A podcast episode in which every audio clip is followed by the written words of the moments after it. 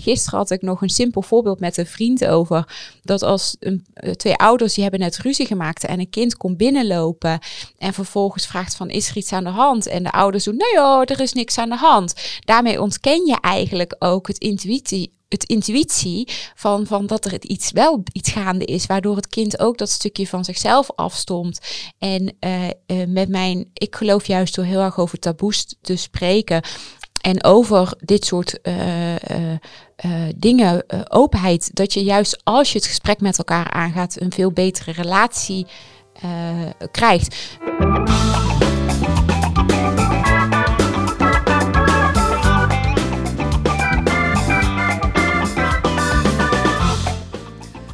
Welkom bij de Verhalensmeders, de podcast met inspirerende levensverhalen. Um, wat ik vorige keer al zei, je hebt uh, weinig keuze waar je wiegje heeft gestaan en uh, tijdens het leven overkomt het lotje. Um, en hoe ga je dan om met uh, tegenslag in je leven? En wat zijn vooral de lessen die je meeneemt in de rest van je leven? vandaag heb ik het genoegen om Tamara Straatman te mogen verwelkomen. NLP-coach, auteur en inspirational speaker. En uh, wat ik heel mooi vond, is dat zij de levende secret wordt genoemd. Dus ik dacht, nou, daar willen we vast meer van weten. Welkom, Tamara. Dankjewel voor de mooie introductie en leuk om hier te zijn. Ja, fijn dat je er, uh, dat je er bent. Zeg, wil jij eens vertellen wie je bent en waar je wiegje heeft gestaan, Tamara? Ja, ik ben Tamara Straatman, 38 jaar oud en mijn wiegje heeft gestaan in Tilburg-Noord. Um, wil je wat uitgebreidere versie? Ja, dat mag. Ik heb ook in Tilburg Noord ben ik opgegroeid. Dus ik vond het ook heel leuk om in je boeken daar uh, dingen van te lezen. Denk van, oh, die herken ik. Maar, heel uh, herkenbaar. Heel herkenbaar. Maar ik wil graag wel iets meer over, jou, over jouw jeugd weten. En, ja, ik ben... Zin. Ja, ik, uh, wat je zegt van hè, het lot bepaalt je. En uh, nou, mijn moeder zei altijd, elk huisje heeft zijn kruisje. En dan gaf ik altijd als tegenreactie, bij ons heeft een hakbel gehangen misschien niet het allerleukste uh, om van je dochter te horen. En um, ik heb uh, in mijn jeugd heb ik best wel wat uh, het een en ander meegemaakt. Um, als ik mij op mijn jeugd terugkijk, heb ik een traumatische jeugd. zo heb ik dat ervaren. Mijn moeder was op mijn tiende werd ze psychisch ziek nadat mijn oma overleed. Heeft ze een uh, CISO-affectieve stoornis gekregen. Dat is een kruising tussen manisch-depressief en schizofrenie. Uh, ze had periodes dat ze heel blij en hyper was en daarna was heel depressief en kreeg ze allerlei waanideeën en werd ze uh, gedrogeerd met allerlei uh, medicatie. En ook de situatie met mijn moeder was dat niet zoals je zou willen met je ouders. Ook mijn vader was niet de ideale situatie die, waar mijn moeder zich of liet verdoven door medicatie vanuit de GGZ, eh, ging mijn vader zichzelf uh, verdoven met alcohol en met vreemdgaan. Dus uh, thuis was heel veel ruzie over andere vrouwen, over geld. maar ook mijn vader was heel dominant, autoritair. man is de baas in huis, vrouwen en kinderen hebben niks te vertellen. En ja, ik heb als kind zijn heel vaak te horen gekregen dat alles wat ik vond en deed er niet toe deed alles onzin was. Uh, niemand op mij zat te wachten uh, als ik mijn vader aansprak op zijn gedrag. En mijn moeder, die, uh, die heb ik heel vaak gesmeekt of ze alsjeblieft wilde gaan scheiden. Maar dan kreeg ik altijd allerlei slappe excuses. En ze gaf me wel gelijk, maar ze handelde er niet naar. Um, ja, ik heb mezelf nooit echt veilig of gewenst gevoeld binnen het gezin door alles wat er gebeurd is. Ja, dat heeft natuurlijk een enorm effect op, je, op de rest van, uh, van je leven. Want het is geen veilige omgeving uh, om op te groeien. Nee, ik heb uh, ook heel veel therapie op mezelf toegepast en later ook met allerlei therapeuten. En ze zeggen ook dat in zo'n situatie uh, waar ik ben opgegroeid, uh, dat noemen ze ook als kind zijnde parentificatie. Dat je als kind zijnde de emotionele of fysieke zorg overneemt van de ouders en vergeet je eigen identiteit te ontwikkelen. En uh, uh, daarbij uh, is er ook nooit vanuit de GGZ met de psychoses van ons mam zijn best wel heftige gebeurtenissen geweest. zo heeft ze in een psychose mijn vader proberen te wurgen. En heeft ze ook wel eens ons wakker gemaakt met de mededeling dat als pap achter de deur stond met een mes om ons te vermoorden. En uh, vroeger had ze weinig overwicht, dus werd ook altijd gezegd van wacht maar straks als jullie pap thuis is. En zodra als pap thuis was, was het ook een tikkende tijdbom die het minst of het geringste uit zijn plaat kon schieten. En dan was de sfeer gewoon niet prettig in, uh, in huis. En als hij alcohol op had, was hij uh, ja, gemeen, ook heel erg dreigen, chanteren, manipuleren, ja, kleineren. Niet, niet echt een situatie waarin je een veilige basis legt. Nee. En was er in die tijd in jouw jeugd iemand waar je dan terecht kon? Bleef jij thuis of, vluchtte je uit huis? Ik, uh, ik heb heel veel aan mijn oma gehad, maar die overleed toen ik tien was. Dus heb ik ook heel, achteraf een heel groot trauma is dat uh, voor mij geweest. Ik zei ook, ook, als kind zei ik altijd, ik hou meer als, van honden als van mensen. Want mensen doen elkaar toch alleen maar pijn. En ook als ik in mijn omgeving zei van dit is toch niet normaal, dan zei mijn omgeving, en dat is op dat moment jouw wereld, zo is het nu eenmaal. Dus je gaat ook niet verder zoeken en je gaat heel erg aan jezelf twijfelen en je gaat je eigen waarden, normen, je eigen ik ga je steeds meer afstompen. En uh, um, ja, dat heeft er ook toe geleid dat ik uh, een uh, relatie uh, kreeg op mijn 16 tot 23ste, een, een vlucht. maar dat was ook een kopie van mijn vader, heel dominant, heel autoritair. En als hij zijn zin niet kreeg, dan ontplofte die. En, maar die had het als hij nuchter was. En dus dat was nog een gradatie erger. Ja, en die vond het ook echt leuk om mij te treiteren en te kleineren. En dan had hij plezier. En als hij mij over de rooien had, die relatie was natuurlijk hartstikke ongezond. Maar als je niet een ander voorbeeld hebt gehad en iedereen zegt zo is het nu eenmaal, ga je daar zelf ook tot soort bij van neerleggen. En uh, toen ik 23 was, zat ik ook op het punt toen de relatie over was. Uh, ja, toen ging voor mij een beerput open aan emoties. En had ik ook de gedachte, als ik nu, mijn, als ik nu mijn stuur omgooi, vind ik het ook prima.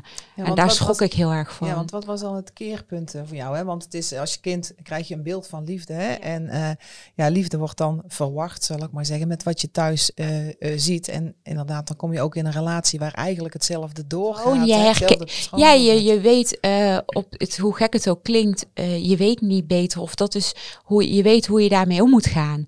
En ze zeggen ook dat je eerste relatie is de relatie uh, met de ouder, uh, weerspiegelt de ouder met wie je de slechtste relatie hebt, omdat je dat graag wilt herstellen. Dus je wilt graag erkenning en gerespecteerd en gezien worden.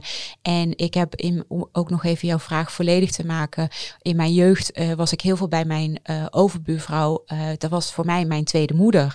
En met Ronnie en Remco, mijn beste vrienden, heb ik nog steeds, een daarvan is nog steeds mijn beste vriend en de andere heb ik ook nog af en toe contact dat voelt nog altijd fijn. En, en ik was altijd bij hun. Dus ik was, ja, het was, ik vluchtte ook vanuit thuis. Um, en uh, ja, mijn moeder die is gelukkig wel ook veel opgevangen door familieleden. Uh, die is nooit uh, naar de paasafdeling gegaan. Altijd als zij psychoses had, werd zij opgevangen door familieleden dus een aantal daarvan zijn ook wel degelijk een steun geweest. Maar ze hebben nooit altijd echt beseft wat er precies gaande was of wat voor impact het had op de kinderen. En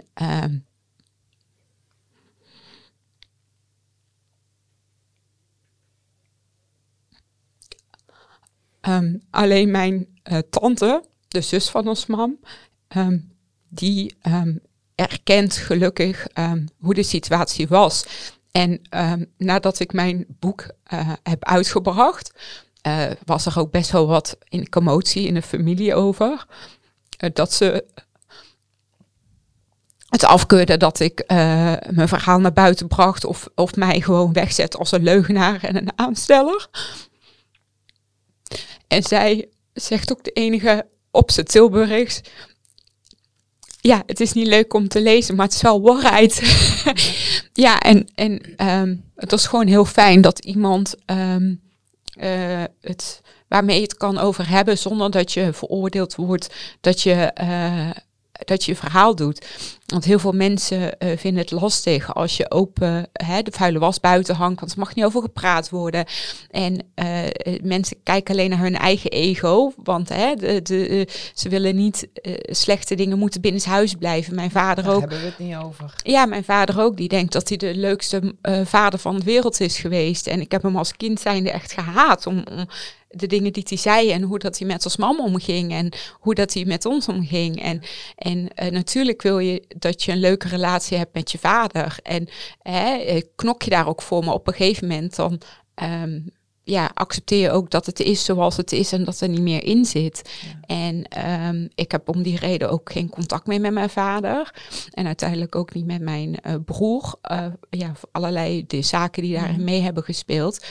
En um, uiteindelijk ga je wel kiezen voor je uh, zelf. En als je patronen uit je jeugd gaat doorbreken, uh, dan ga je ook weerstand krijgen waarin ik gewend was om mezelf bijvoorbeeld weg te cijferen. Ja, of onzichtbaar te maken. Onzichtbaar te maken. Ik, uh, ja, hoe vaak ik wel niet gehoord heb dat alles wat ik vond er niet toe deed of, of dat het onzin was of hè, van zo is het nu eenmaal. Je gaat zo jezelf afstompen en uiteindelijk ga je dat weer omarmen en ga je weer zijn wie je werkelijk bent. Maar dat wordt niet geaccepteerd door je omgeving, want je moet in, in, in het stramien van het familiepatroon. Je, je breekt er letterlijk uit. Hè? Ja. En ik wil even terughaken, hè? Ja. want het raakte je net, hè, dat je zei, mijn tante uh, was waarschijnlijk de eerste die erkende, hè, die, die erkende wat er is gebeurd. Ja. En, dat het, en dat ze het ook niet heeft geweten. Maar ja, jij wel. Zij, wel ja, geweten. ja, ja, zij, jawel, zij, uh, een aantal familieleden wisten wel op de oppervlakte wat speelde natuurlijk.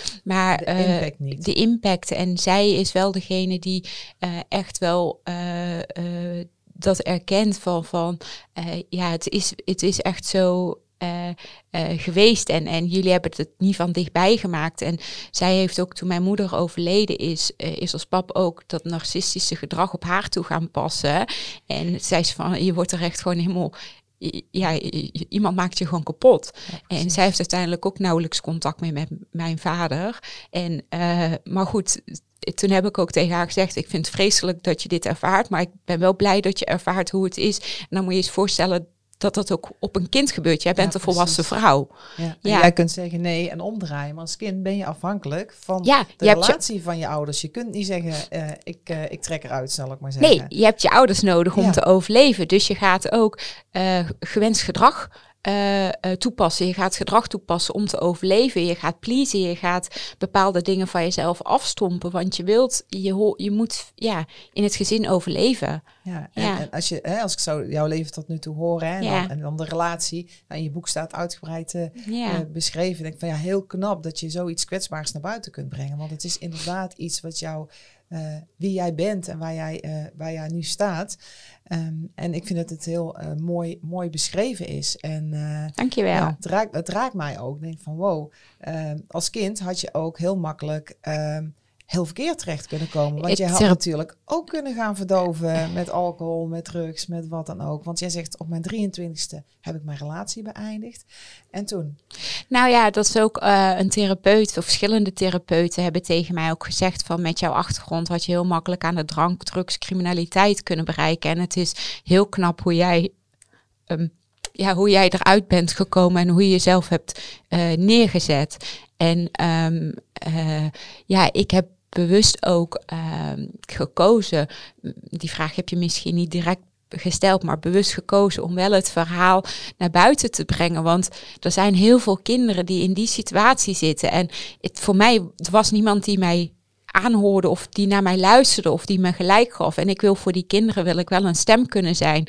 En ik wil ook dat ouders beseffen wat voor impact uh, hun gedrag heeft op het op de ontwikkeling van een kind. En uh, het hoef, je hoeft niet eens een traumatische jeugd te hebben gehad om beschadigd te zijn door de opvoeding of de maatschappij en de cultuur waarin wij leven. Gisteren had ik nog een simpel voorbeeld met een vriend over dat als een, twee ouders die hebben net ruzie gemaakt en een kind komt binnenlopen en vervolgens vraagt van is er iets aan de hand? En de ouders doen nee hoor, er is niks aan de hand. Daarmee ontken je eigenlijk ook het intuïtie het intuïtie van, van dat er iets wel iets gaande is, waardoor het kind ook dat stukje van zichzelf afstomt. En uh, uh, met mijn, ik geloof juist door heel erg over taboes te spreken, en over dit soort dingen, openheid, dat je juist als je het gesprek met elkaar aangaat, een veel betere relatie krijgt. Waar mijn vader bijvoorbeeld niks wilde weten van mijn openheid en mij maandenlang doodnegeerde als ik weer iets gezegd had, als ik een interview had gegeven in de media, kon ik met mijn moeder heel goed praten. En die vond het ook heel pijnlijk, want zij zei ook van ja, de ruzies thuis die ik vroeger heb meegemaakt, die had ik niet um, aan mijn kinderen door willen geven. En ik, ja, dat is wel zo gebeurd. En maar door ik en als mam um, heel veel erover hebben kunnen praten, heeft het onze relatie in de laatste jaren wel heel veel verbeterd. Ja, mooi. Raakt je nog? Ja. Ja, want je hebt op dat moment wel een steunbron. Want wat je, bent, je had wel best wel een, een, problematische relatie. En daar pak ik even op terug. En dan, dan, komt er een moment dat je zegt, en nu is het genoeg. Ja, ik, um, uh, ik had met mijn ex, uh, wij zijn 7,5 jaar samen geweest. En hoe, ja, het is echt heel freaky. Er is een moment ook geweest dat ik, hij was me zo aan het treiteren en we stonden in de keuken en dat ik dacht, als ik nu een mes pak, dan ben ik er ook vanaf. En serieus, toen dacht ik van ja, ik wil voor hem niet de gevangenis in, maar dat je gewoon niet de gedachte hebt, je kan ook uit elkaar gaan. Maar dat is natuurlijk ook je, je op. Nee, maar dat is natuurlijk ook je ouders, die hebben zo'n, uh, ja, in mijn ogen verschrikkelijke relatie. En die zijn kosten wat kosten altijd bij elkaar gebleven. Dus die optie van uit elkaar gaan, of misschien hè, niet ik weet niet wat, wat, er, wat er dan precies onder heeft gezeten. Maar uh, die, die optie kwam gewoon niet in me op. En uiteindelijk hebben wij zelfs nog een huis gekocht, hebben trouwplannen gemaakt, want we hadden een eigen, deels een eigen zaak. En, en uh, ik werkte daar Prodeo uh, in mee, maar ik wilde ook graag dat het op mijn naam kwam staan, want ik was al jaren met hem uh, daarin bezig. Dat was vast niet de bedoeling. Nee, dus uiteindelijk een huis gekocht, trouwplannen gemaakt en het werd steeds erger. En uiteindelijk is hij toen een week weg geweest en toen dacht ik, oh wat heerlijk, geen gezeik, geen gejank. En als hij dadelijk terugkomt en het is nog steeds zo, dan is het voor mij klaar. En uh, hij uh, is toen een week weg geweest en toen kwam hij terug. En toen hebben we samen wel besloten om een uh, punt erachter te zetten. En de eerste was in oktober, november. De eerste paar maanden, toen was het echt halleluja ik had vrijheid. Ik had niemand die continu mij treiterde of kritiseerde of ja, lelijk tegen me deed. Dat was het eerste moment waar jij voor jezelf moest zorgen natuurlijk. Qua inkomen en qua... Uh, ja, maar dat heb ik altijd goed gekund. Ik heb eh, gelukkig heeft uh, als pap die heeft ook wel een, altijd een hele goede les meegegeven. En dat is financieel zorgen dat je je zaakjes op orde hebt. En dat je geen geld kan uitgeven wat je niet hebt. Dus ik ben als kind financieel, heeft als pap mij daarin wel goed geleerd om zelfstandig te zijn. En mijn grootste angst was ook altijd zo eindigen als als pap en als mam. Als een vrouw die afhankelijk, financieel afhankelijk is van haar man en niet voor zichzelf kan kiezen. En een man die de macht uitoefent omdat hij geld heeft en dat weet. Dus ik, uh, ik heb dat nooit. Uh, nee, gelukkig heb ik dat nooit. Dus ik kon heel goed voor mezelf zorgen. En um, uh, ja, ik, het, op die periode was voor mij juist heel fijn dat ik doen en laten kon wat ik wilde. Maar een paar maanden later ging daar wel een beerput van emoties over. En ik denk ook dat er voor het eerst de rust en de ruimte kwam om alles wat ik in mijn jeugd had meegemaakt, om dat een plekje te kunnen geven en om dat te verwerken. Ja, want dan komt eigenlijk de verstilling en de vertraging. En dan komt er naar boven van, hé, hey, wat is er allemaal gebeurd en hoe ga ik daarmee om? Ja. En dan kun je als ja, je bent dan geen kind meer, maar uh, als, als jonge vrouw, dan denk je, nou, daar, daar zit je dan. 23, ja, daar zit je dan in je eentje. En dan? En waar vind je dan hulp? Of wat heb je dan gedaan? Nou, uh, ik had geen vertrouwen in de zorg, want mijn moeder werd gedrogeerd door medicatie en ik kreeg vervolgens geen therapie. En intuïtief voelde ik van, mm -mm, dit klopt niet. Ze, hebben, ze heeft problemen en daar moet ze aan werken. En aan de andere kant zat mijn vader die uh, zijn hel zocht in alcohol en in andere vrouwen. En ook dat wilde ik niet. Dus ik wist, als ik niet zo wil eindigen als mijn ouders, moet ik iets totaal anders doen. En toen ben ik achteraf gezien, ben ik mezelf gedragstherapie gaan geven. Dus ik heb mezelf heel veel vragen gesteld van, nou, er zal wel iets positiefs in hebben gezeten.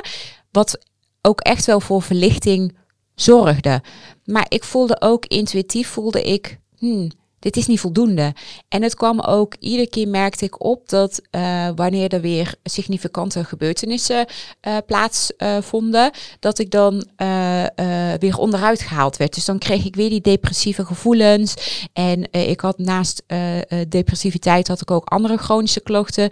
ontstoken dikke darm, spastische darm, eczeemklachten. Je was ook extreem zwaar. Ik was 97 kilo, uh, uh, 25 kilo zwaarder als nu, uh, ruim 25.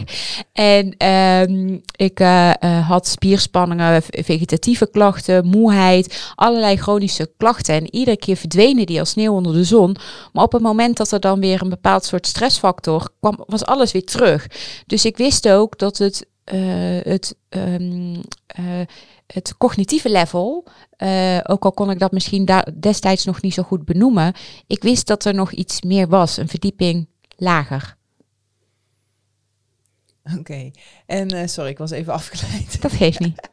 um, je was een verdieping lager. En waar, waar, kom je dan terecht? Want je komt niet uit een omgeving thuis waar ze zeiden, nou, meid, ga eens iets aan uh, persoonlijke ontwikkeling doen, NLP of andere dingen. Dus op een gegeven moment komt er iets of iemand op je pad waardoor je getriggerd wordt. Um, dat klopt, want mijn vader vond uh, uh, de psychiater die mijn moeder had en die haar soms wat wereldwijzer maakte en wat meer af ging zetten tegen ons pap, vond hij verschrikkelijk. Want ze moest natuurlijk de onderdanige vrouw blijven, die ja en amen zei.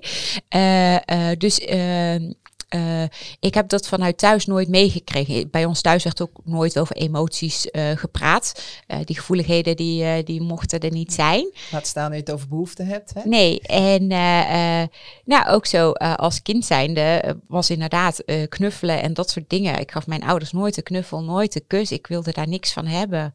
Nee, dus dat, ja, de hond was er wel daar en oma ja. toen ze nog leefde. Maar... Um, uh, toen, uh, uh, ja, ik, ik moest gewoon iets doen. Dus ik ben op, in eerste instantie gewoon op eigen houtje, intuïtief aan mezelf begonnen. En na een paar jaar kwam ik een mailtje, naar niks... ja, niks is toeval. was er een mailtje in mijn mailbox over de opleiding NLP. En intuïtief had ik weer het gevoel: dit is het. Hier moet ik mee. En um, inmiddels, uh, ik en mijn ex uh, waren uit elkaar al een paar jaar, maar ik uh, werkte nog steeds samen met hem. Um, en hij, wij hadden dus ook een baas en bazin, want hij ging de zaak overnemen. wij gingen destijds samen de zaak overnemen. En ehm, uiteindelijk, toen we uit elkaar gingen, was dat plan van de baan. Maar ik was 16, 17 toen ik van school afging. En mijn doel was zo snel mogelijk van school af om geld te verdienen, want dan kan ik het huis uit.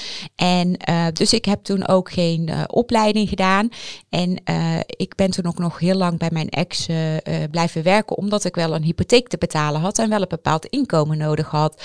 En daar is ook best wel het een en ander qua narigheid gebeurt, qua pesterijen en buitensluiten. Omdat ik, uh, uh, ik vermoed ook heel veel afgunst en jaloezie. Want in, de, in die paar jaar, totdat ik mijn opleiding ging doen, was ik al heel veel aan het transformeren. Was ik al heel veel aan het veranderen. En hij zag mij natuurlijk ook opbloeien zonder hem. En uh, toen ik die opleiding uh, NLP ging doen, wat dus op mijn pad kwam, toen heeft mijn bazin uh, uh, gelukkig ook gezegd van ja, je hebt geen toekomst meer hier, dus ik ga jouw toekomst niet in de weg staan. Dus ik geef je ook de ruimte om die opleiding te volgen. Want dat, dat was bij ons eigenlijk not dan dat je zoveel weekenden vrij kon zijn, want het weekend was, was eigenlijk de business. En dus zij heeft toen ja, mij die ruimte gegeven en ik heb, ben toen die opleiding gaan volgen. En toen ging het voor mij nog meer in een stroomversnelling die eigenlijk nooit opgehouden is. Nee. Ja, want toen ging je, toen ging je weg bij, uh, bij, bij, uh, bij, je, bij je werkgever, zal ik maar zeggen. Nou, in eerste instantie, nee, in eerste instantie nog niet.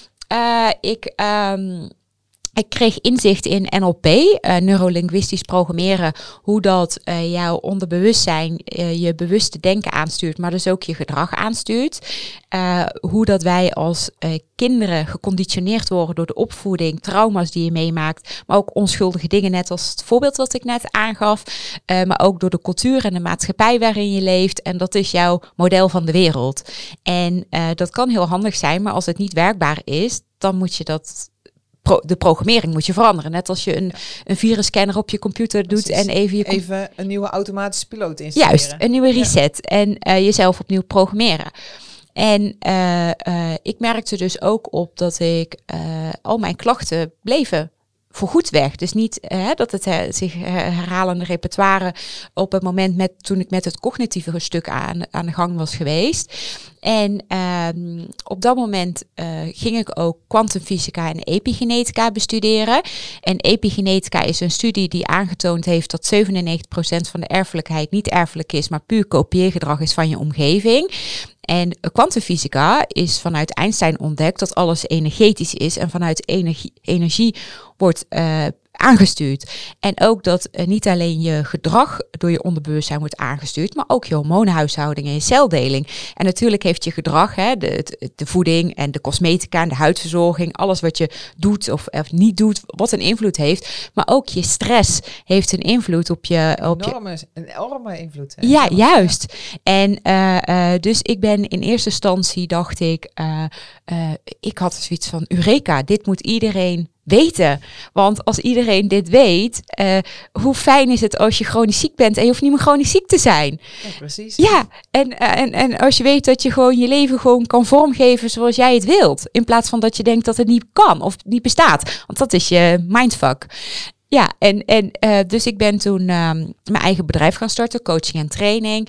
En uh, toen ben ik heel veel één op één coaching ge heb ik gegeven, groepscoaching heb ik de psychoparty heb ik opgericht en heel veel interviews gegeven in de media hoe mindset in relatie staat tot geluk, gezondheid en succes in het leven.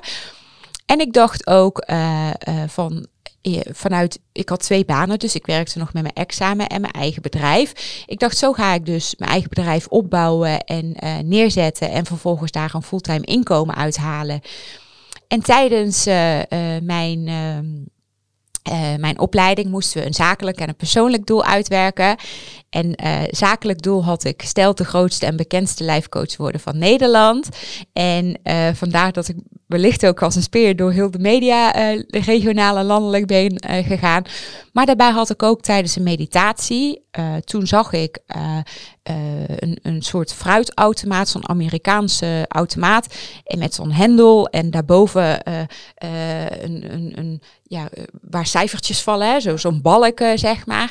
En het waren dan fruitjes van een sinaasappel en een, um, een citroen en een tomaat. En ik draaide eraan en alles viel. En alle toeters en bellen gingen, uh, ja, lichtjes gingen aan, geluid ging aan, de confetti viel. En boven ging die teller, die ging naar 8, 9 miljoen. En ik, ik schoot wakker uit mijn meditatie en ik dacht echt, what the fuck. Ik moet je automaat vinden. Nou, ik dacht van, ik wist intuïtief wist ik, als ik 35 ben, ben ik miljonair. En ik ben toen op gevoel, ben ik allerlei businessmodellen uit gaan werken. Ben ik naar, allerlei, of naar de bank gegaan, naar allerlei crowdfund platformen. En ik kreeg afwijzing op afwijzing. En toen dacht ik, hmm, ze zeiden allemaal van ja, we zien je intrinsieke motivatie. We weten dat dat inherent is aan succes. Maar we zien de markt niet. We zien het businessmodel niet. Dus je krijgt je financiering. Dus mijn volgende, mijn hoofd, logische invulling, die dacht dan zal het een contract met John de Mol zijn, net zoals Sonja Bakker destijds een contract heeft gehad. Maar ik, ik als de coach van Nederland. Dat was mijn ingeving. Of mijn logica, logica uh, uh, ja, logische beredenering. het zelf bedenken in plaats van dat je het loslaat. Hè? Juist. Dat het op je pad mag komen. Ja, ja.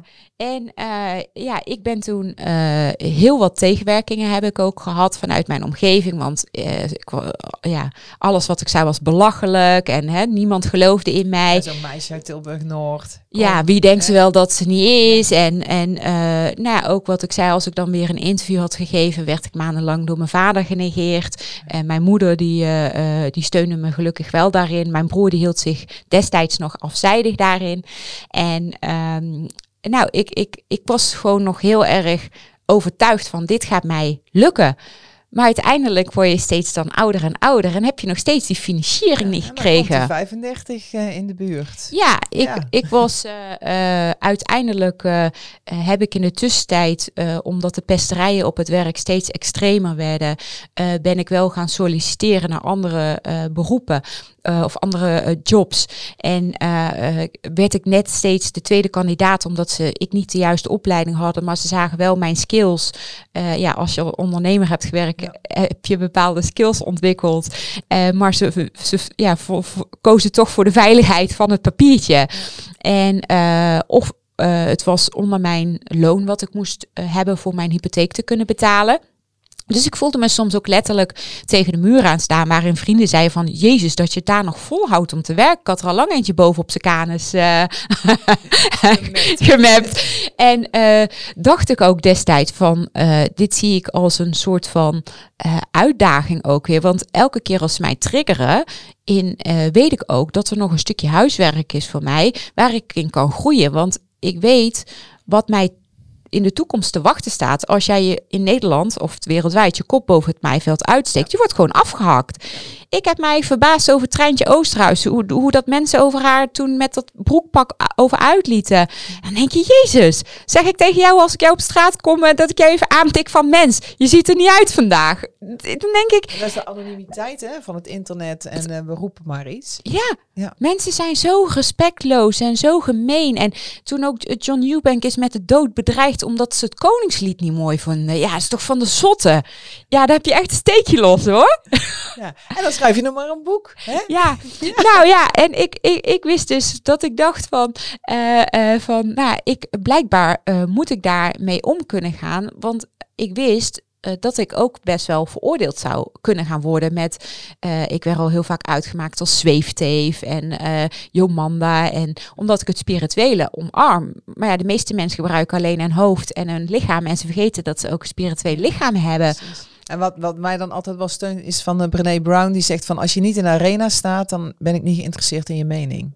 Ja, ja, mooi. He, want de mensen op het publiek uh, die roepen van alles. Maar als je in de arena staat, ja, dan, dan loop je het risico dat je een keer plat gaat. Ja. En als iemand je dan opraapt die ook in de arena staat en die geeft je feedback of die helpt je, daar heb je iets aan. Dat is respect. Ja, juist. Maar uh, uh, um, even denken. Uh, waar was ik met mevrouw? Je moet me even helpen. Oh, ja, zit ik ineens met nou, dat, je, dat, dat, dat het verleden je ook wel oh. heeft gesterkt. Van ja. dit, dit is een les voor de toekomst. Van ja. hoe ga ik hiermee om? Kan ik het, moet ik het mezelf aantrekken of kan ik het uh, nou, bij de ander laten? Ja, dus ik, ik, dus ik zag heel erg mijn werk nog als een soort van uitdaging om daarmee om Gratis te leren training. gaan. Ja, en, en, maar uiteindelijk wil je, ga je ook het bewustzijn creëren dat je denkt van ik hoef niet meer vrijwillig op een mijnenveld te lopen. Ik kan ook naar een ander land verhuizen. Dus dat is ook een stukje bewustwording. En uiteindelijk uh, uh, ben ik toen, uh, heb ik een sollicitatie gedaan bij Sally Hansen. is een online secretaressebureau. En die was heel erg van mij onder de indruk vanwege mijn kwaliteiten. Hoe dat ik in de media mezelf gemanifesteerd had. En dat was dan online marketeer had ik gesolliciteerd. Maar ik voelde, ze houdt me een beetje aan het lijntje. En ik dacht, dan is weer hetzelfde geëmmer over opleiding. Uh, dat ze daar uh, voor de zekerheid gaan. Dus ik ben toen gaan vissen. En toen bleek inderdaad dat ze nog een kandidaat wilde afwachten. Omdat hij wel de juiste opleidingen had gehad. En uiteindelijk, toen dacht ik intuïtief. Nou, manager bij een kledingwinkel zou me ook leuk lijken. En toen kwam een vriendin van mij, die kwam die dag of een dag later naar me toe. Ze zegt, ja, bij Le Ballon uh, zoeken ze een manager in Tilburg. Is dat niks voor jou? Dus, ja, thuiswedstrijd. Juist. En ik was al heel fan van die winkel qua kleding. En uh, uh, dus ik ben daar op gesprek gegaan en ik heb gezegd het salaris wat ik nodig had. En het was geen issue. En ik werd aangenomen en het was echt super fijn om op een plek te zijn waarin je gewoon ja, waarin, waarin je elkaar gewoon omarmt en waar je een team bent en waar je niet uh, op je tenen hoeft te lopen. Uitgekotst wordt omdat je anders bent als de rest. Ja, ja, dus dat was echt een hele verademing. En, en uh, toen is uh, in die periode, ik werkte uh, net een maand. In juni ben ik daar gaan werken. En toen is mijn moeder is toen overleden, 20 uh, juli, plotseling. En uh, ik was toen 34 en voor mij was het ook fijn, oh gelukkig, Osman heeft nog gezien dat ik goed terechtgekomen ben. Ja, Zo voelde dat voor mij. En mijn moeder, die is heel haar leven lang ziek geweest. Naast dat ze psychisch ziek was, heeft ze ook borstkanker gekregen, chemobestraling, daarop hartfalen, weer medicatie. Is ze door een tekenbeet, is ze door een teken gebeten, heeft ze een kring gehad, maar de huisarts vond het niet nodig om antibiotica te geven, terwijl een kring wijst op een lijmbesmetting. Ja. En mijn moeder heeft altijd gezegd: Ik heb het gevoel dat ik van binnen aan het rotten ben. En uh, zij uh, uh, heeft toen nog een keer borstkanker gehad op haar 58ste. En op haar 59ste is ze toen ochtends naar het ziekenhuis gegaan. Heeft ze door voicemail ingesproken: van alles is goed, ik hoef pas over een jaar terug. En toen s'avonds uh, is ze overleden, waarschijnlijk aan een geklapte aorta. Jeetje. Ja, en ik heb ook altijd gezegd, ons man wordt niet oud. Ik heb ook heel veel discussies met haar gehad over haar levensstijl. Ze leefde heel ongezond, heel veel roken, drie pakjes zuiverzand op een dag, alleen maar vlees eten, uh, weinig bewegen, heel veel te zwaar. En, uh, maar goed, je wilt je moeder natuurlijk zo lang mogelijk bij je houden. Dus ik heb daar heel veel uh, discussies met haar over gevoerd. En ik heb ook altijd gezegd, als ik 35 ben, ben ik wees. Dus ik heb ook altijd wel geweten dat ze vroeg zou overlijden. En blijkbaar ook aangevoeld dat ik geen contact meer zou hebben met mijn vader en met mijn broer.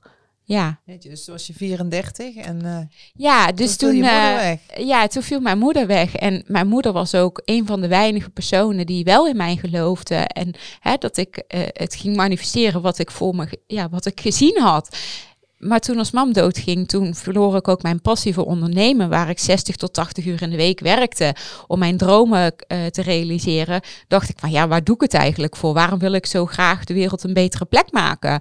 En als ik zoveel tegenwerking heb en zoveel weinig mensen die me steunen. Voor wie doe je het? Ja, en toen dacht ik nou, ik ga gewoon 40 uur werken net als iedereen. En uh, ik ga een beetje feesten, prima, that's life. En uh, toen was het uh, uh, donderdagavond, twee dagen voor oud en nieuw, zit ik met een collega van Le Ballon, Linda, zit ik bij Fabiano, zitten we op avondeten, want we hadden koopavond draaiden we samen. Dus ik vertel haar mijn verhaal. En ook over mijn visioen. Dat ik had gezien als ik 35 ben, ben ik miljonair. Maar ook dat al mijn andere uh, visioenen of uitspraken die ik had gehad, dat die allemaal uit zijn gekomen. En mijn ervaring was ook hoe met NLP, hoe minder ik vanuit dat vastzittende hoofd ging zitten, hoe meer mijn uh, gevoel steeds sterker werd en mijn intuïtie werd sterker en, en dat ik dingen wist te voorspellen. En, en zo heb ik ook. Um, op, een, op een vrijdagochtend dat ik boodschappen, vrijdagmiddag, nee, donderdag, sorry. Op uh, donderdagmiddag ging ik boodschappen doen. Kwam er een gedachte naar binnen van morgen om 12 uur wordt er slecht nieuws uh, bekendgemaakt over een man. Dus mijn hoofd dacht weer, oh, dat zal over die en die zijn. En toen kwam er weer een, seconde of wat later kwam er een gedachte binnen. Of zal het dan over Prins Friso gaan? En toen dacht ik, koek koek. En uh, vrijdags ochtends uh, werd er dus bekendgemaakt om 12 uur dat er een uh, Prins Friso een ernstig ski-ongeluk had gehad en dat hij in coma lag en dat hij levensgevaar was, dat hij mogelijk niet meer bij zou komen. Dat was een van de eerste keer dat ik zo'n heftige uh, uh, ervaring had. En ik ben toen bij een medium gegaan en die zei ook van ja, je hebt het universum en je moet het zien als een soort radiozender waarin jij heel makkelijk kan intappen en waarin jij uh, een stukje voorschouw hebt. Ze zegt er hebben heel weinig mediums hebben dat. En ik heb nooit een opleiding gevolgd tot medium of wat dan ook. Maar dat is gewoon iets wat ik heb ontwikkeld. Waarschijnlijk ook um, therapeuten hebben dat ook gezegd, omdat ik altijd mezelf onveilig heb gevoeld. Dat mijn voelsprieten extra uitstaan, omdat ik uh, dat een extra um, meetlint was naast het zien, het horen en het uh, ja, voelen. En um, dus ik deed zo mijn verhaal tegen haar en nog andere dingen die ik uh, voorspeld had met overlijden van mensen die dichtbij stonden. Maar ook dat ik wel eens een vakantie had gewoon op, op Q-Music, omdat ik mijn gevoel, intuïtie op dat moment volgde. Dus ik zeg, ik snap er niks van. Over twee maanden word ik 35. En het is nog steeds niet gebeurd, dus ik geloof er eigenlijk niet meer in. Ja. En toen uh, was uh, oud en nieuw. Toen mijn moeder, die had altijd de traditie dat ze uh, staatsloten kocht voor het gezin. En dan was altijd van, nou, als je een kleine prijs hebt, dan is hij, uh, mag je houden. Is de grote prijs, dan uh, is hij, ja, Sam Sam. En mijn vader, die heeft toen de traditie in ere gehouden. En die is toen vijf minuten voor vijf. Mijn vader heeft trouwens ook een goede intuïtie. Dus ik denk ook dat het ook een stukje van vanuit hem ook komt. Die uh, is naar de uh, uh, Bruna gegaan. Die heeft staatsloten gekocht. Is hij nog naar mij gekomen. Maar die was middags al half dronken. Dus ja, ik heb daar niet echt aandacht aan gegeven. En ik was dus, ja, het zal wel. En hij is toen naar huis gegaan. Ik ben s'avonds naar een vriendin gegaan aan de Pieshaven. En hm, half twee, één uur ik denk, nou laat ik als pap eens bellen, even uit fatsoen. Want ik had er eigenlijk niet zoveel behoefte aan, omdat hij smiddags al best wel dronken was. En uh, ja, je wilt als kind gewoon een normale vader, geen alcoholist. Ook al noemt hij zichzelf geen alcoholist. ja, eh, als je drank nodig hebt om je leven plezier te geven, dan... Uh, ja, dan is het geen doseringsprobleem meer. Nee, en uh, dus eigenlijk met tegenzin belde ik hem op. En toen was hij aan het lallen dat we een grote prijs hadden gewonnen. Dus ik had echt zoiets van, ja, zal wel uh, je kwats wel vaker opgehangen. En uh, toen zat ik op de wc, uh, op mijn enkels. En toen belde mijn broer, die belde me huilend op en die zegt, ja, het is echt waar. Ja, en het enige wat ik toen kon uitbrengen was, ik wil het niet, ik wil liever als mam terug. Ja. Ja, en um, op dat moment, uh, ik, ik kon het ook niet, ik wist altijd dat mijn broer niet loog. En, uh, maar ik kon het niet geloven, dus ik zeg, kan uh, uh, ja, Ilse, de, de vrouw van mijn broer, kan die maar opkomen halen. En die, want ik had al wat champagne gedronken, dus die is mij opkomen halen. En toen had ik het lot inderdaad in de handen. Ja, en ik was in één klap, was ik multimiljonair. Ja, voor je 35? Ja, twee maanden later werd ik 35. En op dat moment wist ik ook, ook al heeft als pap natuurlijk gehandeld. Dit is een cadeautje van boven. En dit is. Mag je ook omarmen en dankjewel. Ja, en Dit, is, dit is, komt echt van ons mama. Of, of, of in ieder geval, ik geloof al heel erg dat als je je ziel gaat volgen, dat je geleid wordt door iets wat voorbij je ego gaat en wat voorbij jezelf gaat. En dat is ook de reden waarom ik onder andere het boek geschreven heb en wat sommige mensen niet kunnen begrijpen. Maar het dient een grote doel als, als het menselijke ego. En het draagt daarbij aan een stukje helingsproces. Niet alleen voor mezelf, maar ook zeker voor heel veel anderen. En ja, en ik, ik uh, toen, uh, uh, ik wist ook, ze zeggen ook van ja, voelt het dan niet raar om in één klap miljonair te zijn en zoveel geld te hebben? Nee, want intuïtief wist ik al dat het op mijn pad kwam, maar de manier waarop, ja, dat had ik nooit verwacht. En toen wist ik ook van ja, de plannen leiden niet tot het opzetten van het bedrijf en zo tot het geld, maar het geld leidt wel tot mogelijk maken van al die plannen die ik destijds al gezien had of, of bedacht had. Kijk, en het, en het, extra geld dat je verdient, je zat al met een andere vriendengroep. Hè? Je had een aantal vaste vrienden, maar je zat al in een andere omgeving. Hè? Dus die was al gezonder, zal ik maar zeggen. Dus daar verandert er uh, op zich uh, weinig, denk ik. Ja, klopt. En het mooie wat ik vond, uh, vind nog steeds van je boek Jackpot, is niet zozeer dat je dat geld hebt gewonnen, maar meer de jackpot, dat je de gebruiksaanwijzing van jezelf hebt gevonden. En dat je de vrijheid hebt gevonden om jouw leven te leven zoals je nu doet. Ja, ja, ik geloof ook heel erg dat inderdaad op het moment als je steeds meer gaat leven naar je, uh, ja, je ziel, als je die gaat het antwoord of als je die gaat laten leiden, dat je heel andere keuzes maakt. En wat je zegt klopt ook, dat ik andere vriendengroep uh, gekregen heb, maar nog steeds dat dat in ontwikkeling is. Dat ik merk dat bepaalde relaties ophouden te bestaan en andere relaties omarmd worden. Dat ik steeds meer kies voor, uh, de kwantumfysica zegt ook de wet van de aantrekking en de trilling. Dat als jij uh, negatieve emoties voelt, heb je lage trilling. En voel je positieve emoties, heb je een positieve trilling. met een lage trilling trek je ook andere mensen, ja. andere energie aan. Ja, en ook uh, uh, je leven richt je anders in. Naast hè, je voedingspatroon verandert, omdat je andere keuzes gaat maken die bij je passen. Maar ook de invulling. Waar ik vroeger, ik ben nooit heel erg veel van de alcohol geweest, maar ik drink nu bijna nooit geen alcohol meer. En ik eet bijna geen vlees meer. Uh, ik eet heel veel vegetarisch, wel veel vis. Is ook niet altijd gezond vanwege de kwik die erin zit. Uh, maar ik, ik, ja, ik hoef ook niet meer uh, s'nachts, dat kan nu ook niet door corona, maar ik heb de behoefte ook niet meer om s'nachts naar in de kroeg te staan en hè, de, de leegte te vullen. Want dat is eigenlijk als je, zo zie ik dat, als je drank of drugs of hè, heel op materialisme en dus misschien ga ik dat zeg, want ik woon groot, maar dat is meer comfort. Maar hè, je kan niet meer spullen kopen dan dat je aan kan. Ik heb mijn kledingkast pult bijvoorbeeld niet uit. Ik maak hele bewuste uh, keuzes. Ik vul uh, de leegte uh, die heel veel mensen in zich hebben, niet met spullen of mensen of kleding of eten of drinken of drank of drugs of vluchten. Ik omarm het leven. En het leven is niet alleen maar leuke dingen. Want het is geen paradijs op aarde. Er zijn ook uh, uh, pittige dingen die op je pad komen. Maar het is hoe jij ernaar kijkt, maakt alsof je het zwaar of licht ervaart. Ja, inderdaad. Ja, het is je eigen projectie. Ja, ja. En de ander is, hè, ik zeg altijd, je kunt de ander niet eens zien. Je ziet alleen de projectie van jouw gedachten op die ander. Hè? Dus ja, ja, dat klopt. En het is ook als je in je emoties uh, zit, uh, dan zie je dingen ook gekleurd dan wanneer je er buiten kan stappen. En heel veel mensen hebben helaas dat bewustzijn nog niet voldoende ontwikkeld of omarmen ze niet. En uh, het zou, zou ze ook een rijker leven geven als ze daar wel kunnen omarmen of durven aan te kijken. Dat je daar een veel liefdevoller mens wordt voor je omgeving. Niet alleen voor jezelf, maar ja, je bent een druppel op een gloeiende plaat. Ja. ja. druppel in de oceaan. Ja, precies. Die af en even omhoog komt. Ja, en dan verbeter de wereld te beginnen bij jezelf. Ja, precies.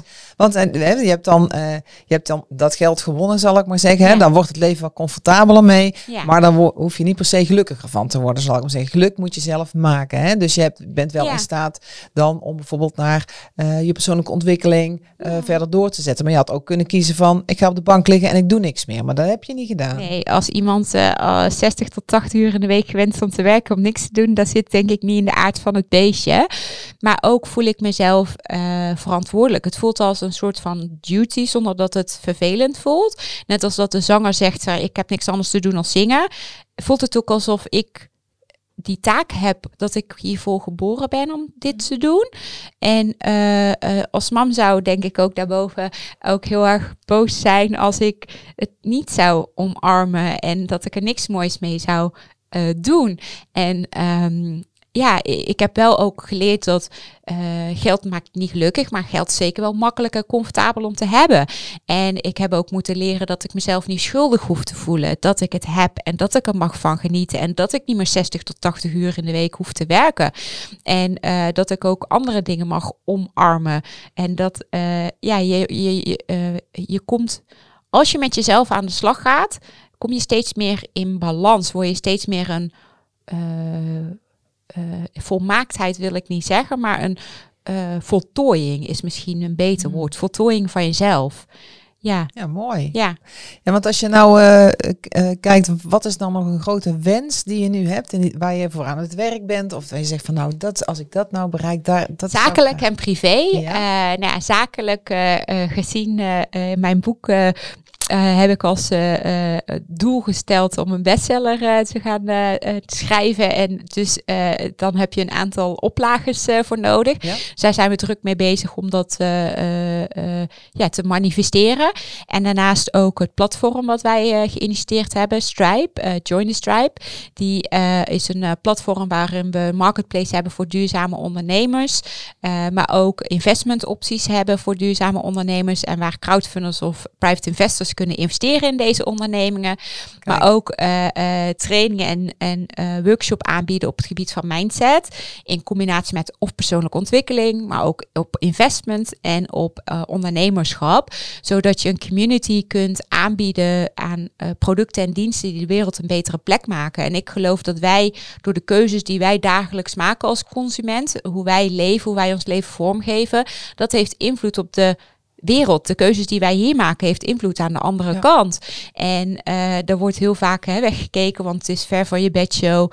Uh, maar ik vind dat we met z'n allen, vooral de westerse wereld, wij, wij zijn intelligent, wij hebben de capaciteiten, wij mogen niet wegkijken. Wij hebben het goed, dus het is ook onze taak om voor, ook voor een ander te zorgen. Mooi. Ja. En persoonlijk? Ja. persoonlijk zou ik graag ook moeder willen worden. En ik zit nu in een fase dat ik weet dat ik genetisch belast ben met BCRA 2. dat heb ik onlangs een paar weken geleden te horen gekregen. Waardoor ik keuzes moet gaan maken wat ik wil qua preventieve behandelingen en qua keuze, zeg maar, qua moederschap. dus daar ben ik.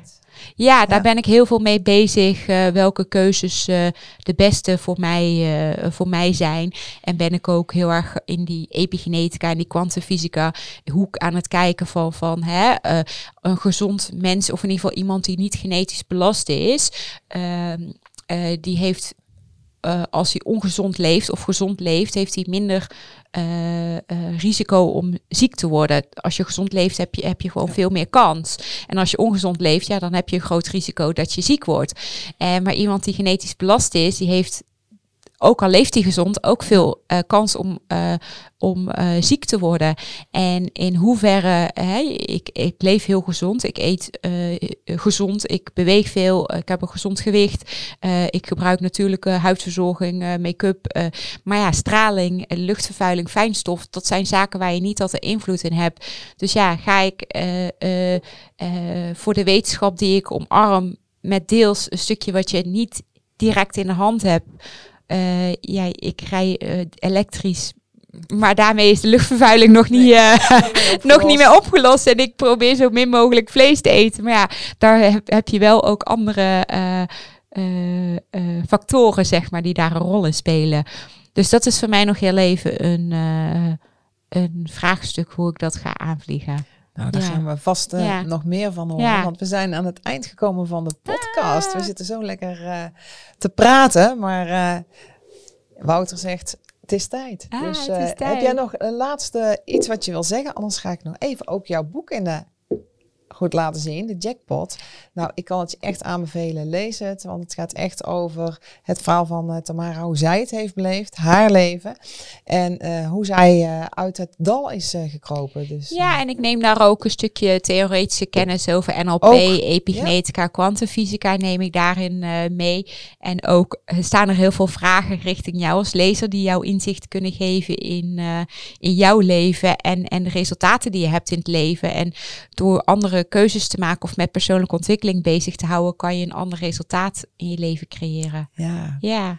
Nou, dankjewel ja. Tamara. Ja. Mooie afsluitende dankjewel. woorden. En mochten ze, uh, ik weet niet of dat mag, maar mochten ja? ze geïnteresseerd zijn dan als ze hem willen bestellen, Tuurlijk. dan zou ik zeggen bestel hem bij Join the Stripe met een B, uh, want dan krijg je gesigneerde versie en een cadeautje. Nou, helemaal goed Tamara. Dank je wel. En ik kan het iedereen van harte aanbevelen. Dank, dank jullie wel. wel. Uh, dank je wel Tamara voor je komst. En dank jullie wel voor, uh, voor het uh, luisteren en kijken. Dank je wel. Dit was dan weer het einde van de podcast van de Verhalensmeders. Um, wil je ons blijven volgen via de verhalensmeders.nl op social media? Um, doe dat gerust. Abonneer je eventueel op de podcast.